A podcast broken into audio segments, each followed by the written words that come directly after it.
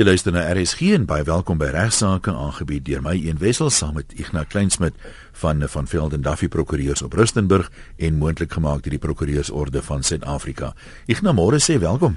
Goeiemôre Ian, goeiemôre luisteraars. Lekker weer met julle te gesels en dankie dat jy ingeskakel is. So, wat gaan ons uh, aanpak vandag? Waaroor gaan ons mense bietjie inlig? Ian, ek wil eerstens bietjie praat oor die reg van toepassing op vlugtelinge Ek sê ek nog nooit oor gepraat het. Dan wil ek bietjie praat oor in die mediese sal belangstel in die hele leerstukke die konsep van ingeligte toestemming. Informed consent 'n interessante hofsaak wat daarmee gehandel het. En as ons tyd gaan kry bietjie praat oor blouwille beeste. Snotsiekte. sal uit 'n lopende agenda. Sal die hof my help of nie? Eerstens 'n briefie wat ek gekry het uh, wat eintlik aan jou gerig was Ion van 'n dame met die naam van Amor. Sy sê sy luister graag na die program as ek tyd kry net iets waarna ek gedink het. Daar's soveel mense wat vandag skei en dan die pensioenfonde verdeel. Want wat ek sien van mense wat skei sodra hulle die geld van die ander persoon se pensioenfonds kry, dan word dit gespandeer laat dit snaaks lyk, dan het hulle niks oor nie. Kan nie weer dan nie so verander word dat sou die fonds uitbetaal dat dit weer onmiddellik in 'n ander fonds gedeponeer moet word sonder dat jy jou hande daarop kan lê nie. Nou Môre het ek dadelik vir jou sê dat ek dink daar is geweldig baie mense wat met jou saamstem die huidige wetgewing laat presies toe wat jy hierso beskryf, naamlik dat in 'n egskeiding die ander gade 'n deel van die pensioenfonds van 'n gade kan kry, dan word 'n aantekening gemaak in die rekords van die pensioenfonds tot hierdie effek en dan word daardie persentasie van die pensioenfonds dan uitbetaal aan die ander gade. Dit was kry mens dat albei gades dan ja, ek kry 50% van joune en jy kry 50% van myne. En dikwels in verreweg die meeste gevalle is dit dan sodat daardie geld daai kontant word dan aangewend vir alles behalwe spaargeld soos wat dit bedoel was om te wees. En dit natuurlik plaas dit eintlik 'n las op die gemeenskap en op die staat om weer vir daai mense te sorg want soos u weet, die enigste werklike manier vir 90 of meer persent van ons Suid-Afrikaanse burgers is maar die besparing deur middel van jou werkgewer se voorsorg of pensioenfonds. So ja, dit word ongelukkig nie gedoen nie, maar die wet maak spesifiek voorsiening dat jy dit kan doen dat dat, dat hierdie geld dan onmiddellik weer geplaas kan word in 'n nuwe fonds van jou keuse uh dat dit met ander woorde net verleng en net aangaan vanaf die vorige fonds en daar is tog mense wat dit doen en uh die meeste prokureurs beveel dit gewoon weg aan maar is nie baie gewilde aanbeveling nie. Mense hoor daagliks uh by mense in die korporatiewe sektor van personeel wat uh, 20 jaar diens het byvoorbeeld dan bedank hulle en van die pensioengeld en as dit 'n paar honderd duisend rand op daai stadium en dan dikwels word hulle dan net 'n maand later weer aangestel het sy as konsultante of op 'n vryskut basis of in 'n weet vaste termyn maar dit doen wesentlik dieselfde werk. Die bedanking was eintlik maar net om geld in die hande te kry. Ongelukkig gebeur dit beslis Ian ek het dit al dikwels teëgekom maar wat ook gebeur met egskeidings nog erger is dat mense kom lieg oor die egskeiding. Hulle kom skei spesifiek net om die pensioen uh gedeelte uit die ander gade se pensioenfonds te kry en onmiddellik daarna of woon hulle saam of trou hulle weer. Nou ek het al in my loopbaan twee gevalle gekry wat mense vir my eerlik genoeg was om te sê uh, Ignas wil graag skei, help ons gou ons wil net die pensioene nou ja, geen prokureur uh, wat enigstens die tiken behoort enigstens daarbey betrokke te raak nie. Uh dis bedrog teenoor die staat, dis bedrog teenoor die pensioenfonds. Ek wil nou net sê sê nou dit blyk nou later dis wat gebeur het. Kan ja. watse konsekwensies kan dit vir die mense hê? Sonder twyfel kriminele oortreding is bedrog, hulle twee gee bedrog tot nadeel van ander. Uh en uh ek het geen twyfel dat dit uh, dat dat daar kriminele sanksie kan volg nie. Uh en natuurlik uit die aard van die saak dieselfde met die met die situasie wat jy beskryf het. Want die pensioenfonds is baie duidelik dat die bedanking dit moet 'n werklike bona fide bedanking wees.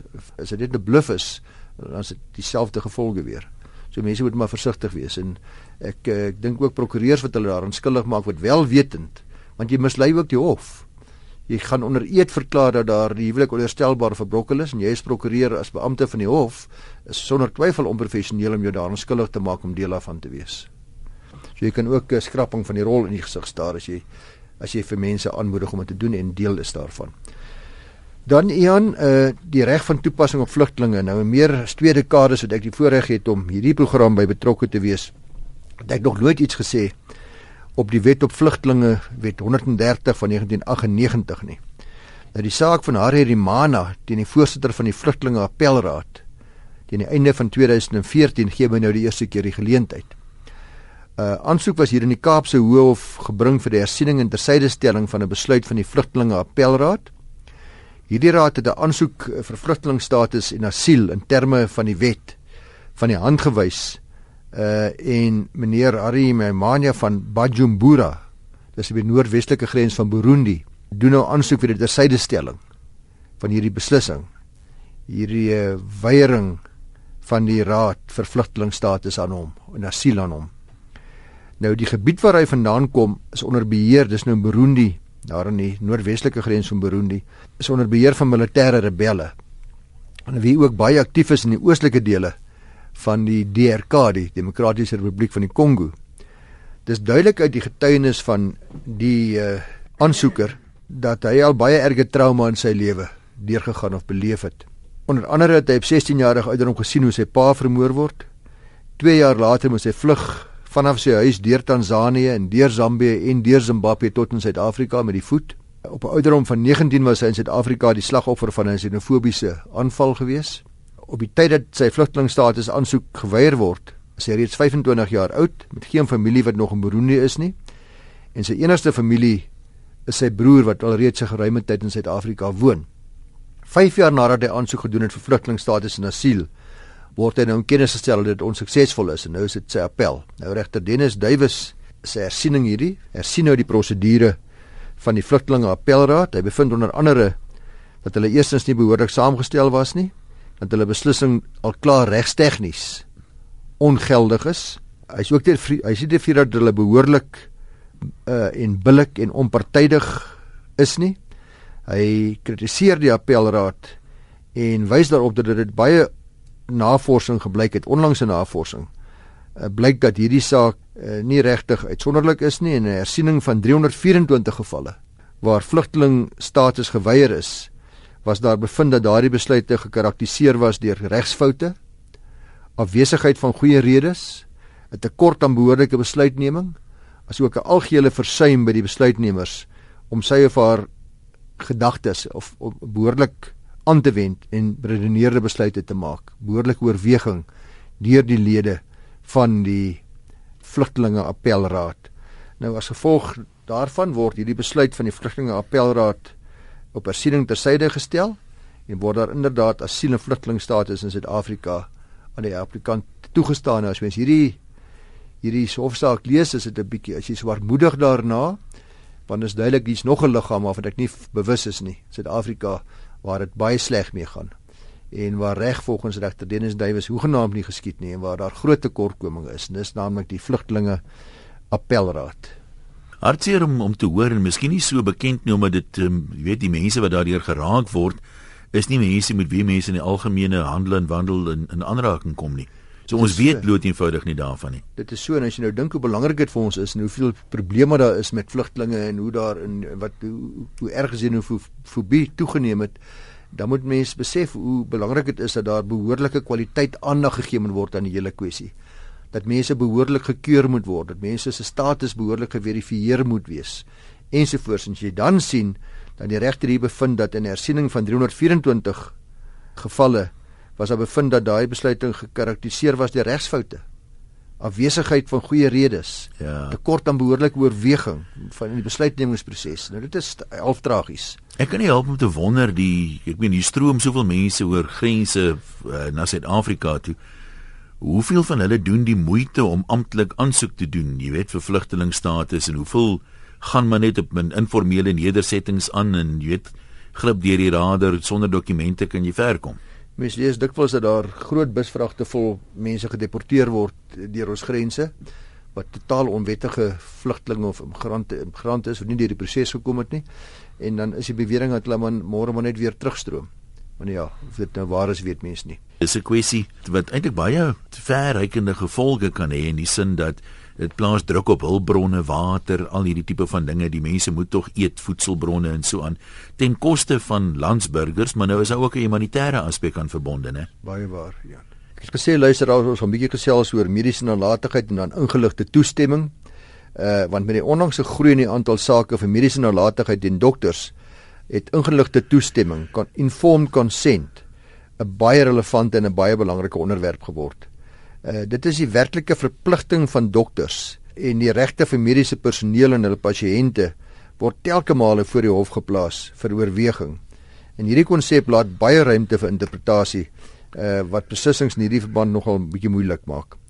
Toestemming vereis dat die persoon wat toestemming gee, dis nou vir 'n operasie of 'n behandeling, daai persoon moet weet en verstaan waarvoor hy of of sy hom of haarself inlaat. Aangesien meeste pasiënte totaal onbekend is met mediese aangeleenthede, prosesse, opsies ensovoorts, kan toestemming in hierdie velde sleg gegee word met genoeg van die regte inligting. In die afwesigheid van sodanige inligting sal werklike toestemming ook afwesig wees. So ek kan nie toestem as ek nie behoorlik ingelig is nie. Selfs as sê ek dokter, ja, gaan dokter sny maar, maak maar maak maar wat jy lus is, doen wat jy doen wat jy wil. Sulke toestemming is ongeldig want as ek nie behoorlik vooraf ingelig is oor al die opsies en die risiko's nie. Nou hierdie leerstuk van ingeligte toestemming dui daarop dat 'n pasiënt besluit om in te stem tot 'n sekere behandeling of of hy kan weier natuurlik nadat hy ingelig is raak in die komplikasies en die effek uh in die moontlike gevolge van 'n sekere behandeling. Nou die oogmerk is tweeledig. Eerstens uh, dit gaan oor die pasiënt se reg op selfbeskikking en vryheid van keuse Dit word op hierdie wyse verseker en dan tweedens ook om rasionele besluitneming aan te moedig. Uh dis deur die pasiënt dis die geleentheid te gee om die voordele en nadele van hierdie prosedure te mekaar op te weeg en sodoende ingeligte besluite kan neem. Uh of in te stem of te weier. So wat s'ie dokter se plig hierso? Hy of sy moet vir die pasiënt eerstens 'n algemene idee en breë trekke gee en dit moet wees in taal wat die leuke persoon wat u en ek verstaan. Ek nie die dokter kom met hierdie hoogdra van die mediese terme en ek het nie 'n idee waarvan hy praat nie. Moet dit vir my in leuke taal gee en hy of sy moet my inlig van die aard, die omvang, die gevolge, die risiko's, die gevare, die komplikasies, die voordele, nadele en prognose as ook en dis belangrik, die alternatiewe vir hierdie voorgestelde behandeling. Uh dis luisteraars alle ernstige en tipiese risiko's moet geopenbaar word, nie noodwendig ongewone en ver verwyderde hoogs onwaarskynlike risiko's nie behalwe natuurlik waar mens spesifiek daaroor navraag doen die pasiënt. Die toets om te bepaal of 'n sekere risiko wesentlik was en openbaar moes word in sekere omstandighede is of die redelike pasiënt indien inligting rondom die risiko of gevaar uh, beskikbaar is dit is wesentlik so ag. Nou is dit iets wat die redelike pasiënt sou wou weet of behoort te geweet het? Of tweedens of die dokter redelikerwys bewus moes gewees het dat hierdie individuele pasiënt indien hy gewaarsku sou wees teen hierdie moontlike risiko's of alternatiewe, waarskynlik die risiko of gevaar is weer wesentlik sou geag het. Maar in 'n woorde sou ek sou die dokter ding weet hierdie pasiënt sou eintlik graag wou weet of hy behoort eintlik te weet. Uh, dit sal nodig wees. Nou is daar 'n lekker saak gewees, die partye, die appellant is Mitsubishi en die dokter hierso is 'n dokter uh, Meiten en is 'n appelhofsaak wat aan die einde van 2006 beslis was die dame het die dokter gedagvaar vir skade wat haar baba opgedoen het tydens geboorte. En as gevolg van hierdie besering is haar baba toe verlam.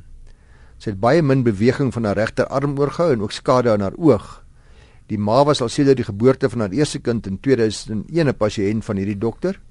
Uh en in 2006 was hierdie baba Yandishwa gebore en haar grootte was 4,68 kg. Geweldige groot baba. Mitsubishi beweer dat die dokter plig gehad het om maar vooraf van die wesenlike risiko's en komplikasies geassosieer met die normale geboorteproses in te lig.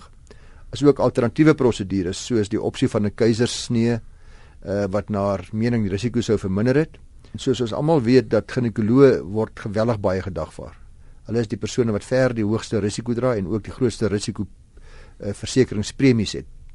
Sy beweer dat hierdie ginekoloog haar vooraf moes voorsien het dat daar of hierdie dokter liewers daar vooraf moes voorsien het dat daar ernstige komplikasies sou wees wees die hoër gewig van die baba. Hy kon sê sy en haar deskundiges voorkom dat die baba na haar pelvis vassit tydens geboorte deur juis vooraf hierdie komplikasies te voorsien en hy het dan nie behoorlik ingelig nie. Die McRoberts manoeuvre, dit is 'n bekende manoeuvre uh, uh handeling in in in in hierdie tipe gevalle waar die baba vassit moes toe gebruik word om die baba uit te kry en is juis hierdie proses waar tydens die baba toe verlam is. En sy beweer dat die uh, dokter moes geweet het om dat 'n keisersnee moes gedoen het en nie 'n normale geboorte moes uh, toegelaat het nie. Nou daar's baie deskundige getuienis en literatuur voor die hof gelê.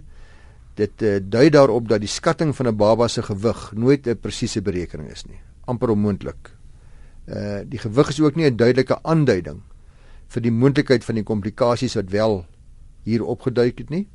Die hoofdoelwit uh, sê die deskundiges van die McRoberts manoeuvre is om die baba se lewe te red tydens komplikasies. En dit het hierdie dokter wel gedoen, het hierdie doelwit behaal. Mevrou Sibisi vra dat die gemeenereg ten opsigte van ingeligte toestemming ontwikkel of uitgebrei moet word.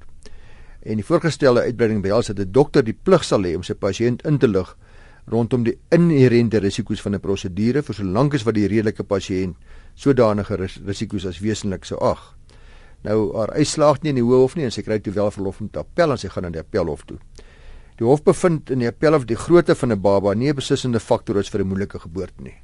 Sy het baie babas wat wat baie swaar is en baie groot is en wat natuurlik gebore word. So dit is nie 'n eh, te sê dat as 'n baba groot is dat dit 'n moeilike geboorte gaan wees nie.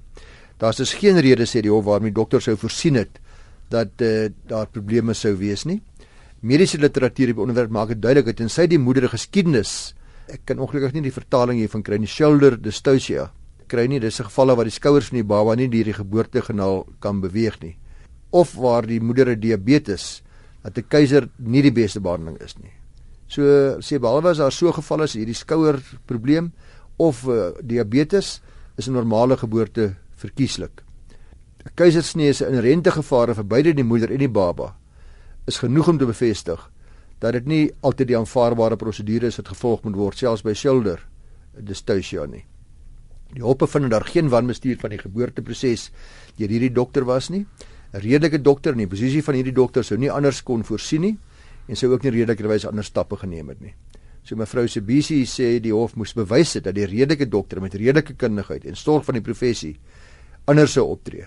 Sê dit nie bewys nie en die hof sê dat met betrekking tot die uitbreiding van die gemeenereg in die verlede het die hof oorweeg of die redelike dokter in die posisie van die verweerder die risiko sou openbaar.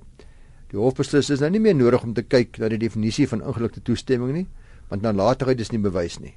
So die appelle is nie geslaag nie. Wat wel van groot waarde is luisteraars in hierdie saak is die feit dat ingeligte toestemming 'n belangrike hulpmiddel kan wees om 'n eis vir mediese nalatigheid aan te veg. Uh dis ook duidelik dat die hof steeds die besluit rondom die beste mediese proses vir 'n pasiënt in die hande van die mediese kundiges laat, solank hulle al die relevante omstandighede oorweeg en alles binne hulle kennis en ervaring doen om die pasiënt by te staan. So hierdie is een van die gevalle waar die eis om mediese nalatigheid nie geslaag het nie. Ons het nog so 'n paar minute Ignas, so as jy iets het wat nie te lank is nie, kan ons daarmee afsluit. Ja, kom ons kyk na die saak van Avonmore Supermark, ongelukkig die blou bullebeeste saak moet vir u volgende week moet uh, na kyk. Uh Avonmore Supermark versus Venter. Dit handel met 'n besering by 'n supermark en die ou ding van gly op 'n nat vloer, wie moet opdok? Christina Venter het by Avonmore Supermark inkopies gedoen toe sy op 'n klammerige vloer gegly het. Het geval ernstige liggaamlike beserings opgedoen en sy dagvaar nou vir skadevergoeding uh, in die Durbanse Hoër van regter Pillay staan haar eis toe. Supermark teken appel aan. Dit blyk uit die feit dat die supermark besig was met 'n proses waar volgens vloere gewas word. Ons sien dit elke dag as ons in supermarkte is. Skoonmaker mop die vloer, In hierdie geval die skoonmaker volgens die getuienis aanbeweeg na 'n volgende gebied terwyl die voer nog klam was of nat was, hy 'n klam. 'n Entjie verder was daar wel 'n waarskuwingsteken, maar nie naby die plek waar Christina Venter gegly het nie. Die appel sê daar kan geen twyfel wees dat daar 'n redelike moontlikheid is dat 'n persoon sal gly en val op so nat of klam vloer en dat dit uiteraard voorsienbaar moet wees deur die supermark. Die vraag is egter of die supermark genoeg voorkomende maatreëls getref het om te waak teen die moontlikheid dat iemand daar sal val, die risiko's te beperk. Appelregter Maslansla kom tot die gevolgtrekking dat op die getuienis dit duidelik is dat die skoonmaker nie seker gemaak het voor sy aanbeweeg het dat die gebied waar die voorval plaasgevind het droog was. Dit sê ook nie 'n waarskuwingsteken vir die voordeel van kliënte geplaas by die gebied op 'n plek waar dit duidelik gesien kan word nie. So terwyl die grond nog nam laat of klamme sê die hof, moet jy die uh inkopiegangers waarsku dat daardie area nog nat of klam is. Jy kan nie net aanbeweeg as daar nog 'n stukkie agter is wat nog nie behoorlik droog is nie. Mens sal dikwels sien mm. dat die skoonmakers maak die stukkie eers met 'n stuk karton of 'n waier waai hom gereeld ja. Waai hom gereeld droog voordat hulle aanbeweeg. Dit sê die hof moet gedoen word. Die regter aanvaar dat dit uh, nodig is om die vloer te was en natuurlik is dit uiters belangrik om wanneer dit gedoen word seker te maak dat almal weet van die moontlike gevaar. 'n Skoonmaker in so 'n geval sê die hof behoort slegs 'n baie klein gebied te beslag te hanteer. Jy moet seker maak dat die gebied droog is voordat sy aanbeweeg. Die hof besluit is dat die supermark nalatig was en hulle appel word van die hand gewys met kostes ons dame hier mevrou Venter slag met haar huis. Uh, wat jy genoem wat die bedrag is wat nee, sy voorhuis of nie die in hierdie spesifieke saak is die kwantifisering oorgelaat vir 'n verdere hof. Nee, ek wonder sommer wat so 'n val werd is as mense dit in leuke taal sou kan stel. Of jy nou jou of jy jou bene verloor ja, het of ja. jy net 'n uh, ek nie seer gemaak het. So mense sal maar met weet die aard van die besering sal bepaal. Ja, dis al waar vir ons gaan. 'n Tyd hê vandag, kom ek herinner jou net weer as jy dalk nog 'n kopie van uh, Ignas Kleinsmid se boek wat sê die prokureur regsaake wat jou raak in die hande wil kry. Dit bevat praktiese regswenke en, en baie eenvoudige verstaanbare taal. Dit bevat ook 'n paar voorbeelde van alledaagse kontrakte soos 'n saamwoonooreenkoms en 'n huiswerkersooreenkoms wat jy kan gebruik.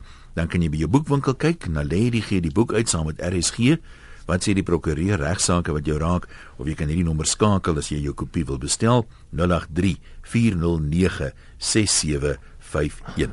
Dis vandag se regsaake, soos altyd moontlik gemaak deur die Prokureursorde van Suid-Afrika.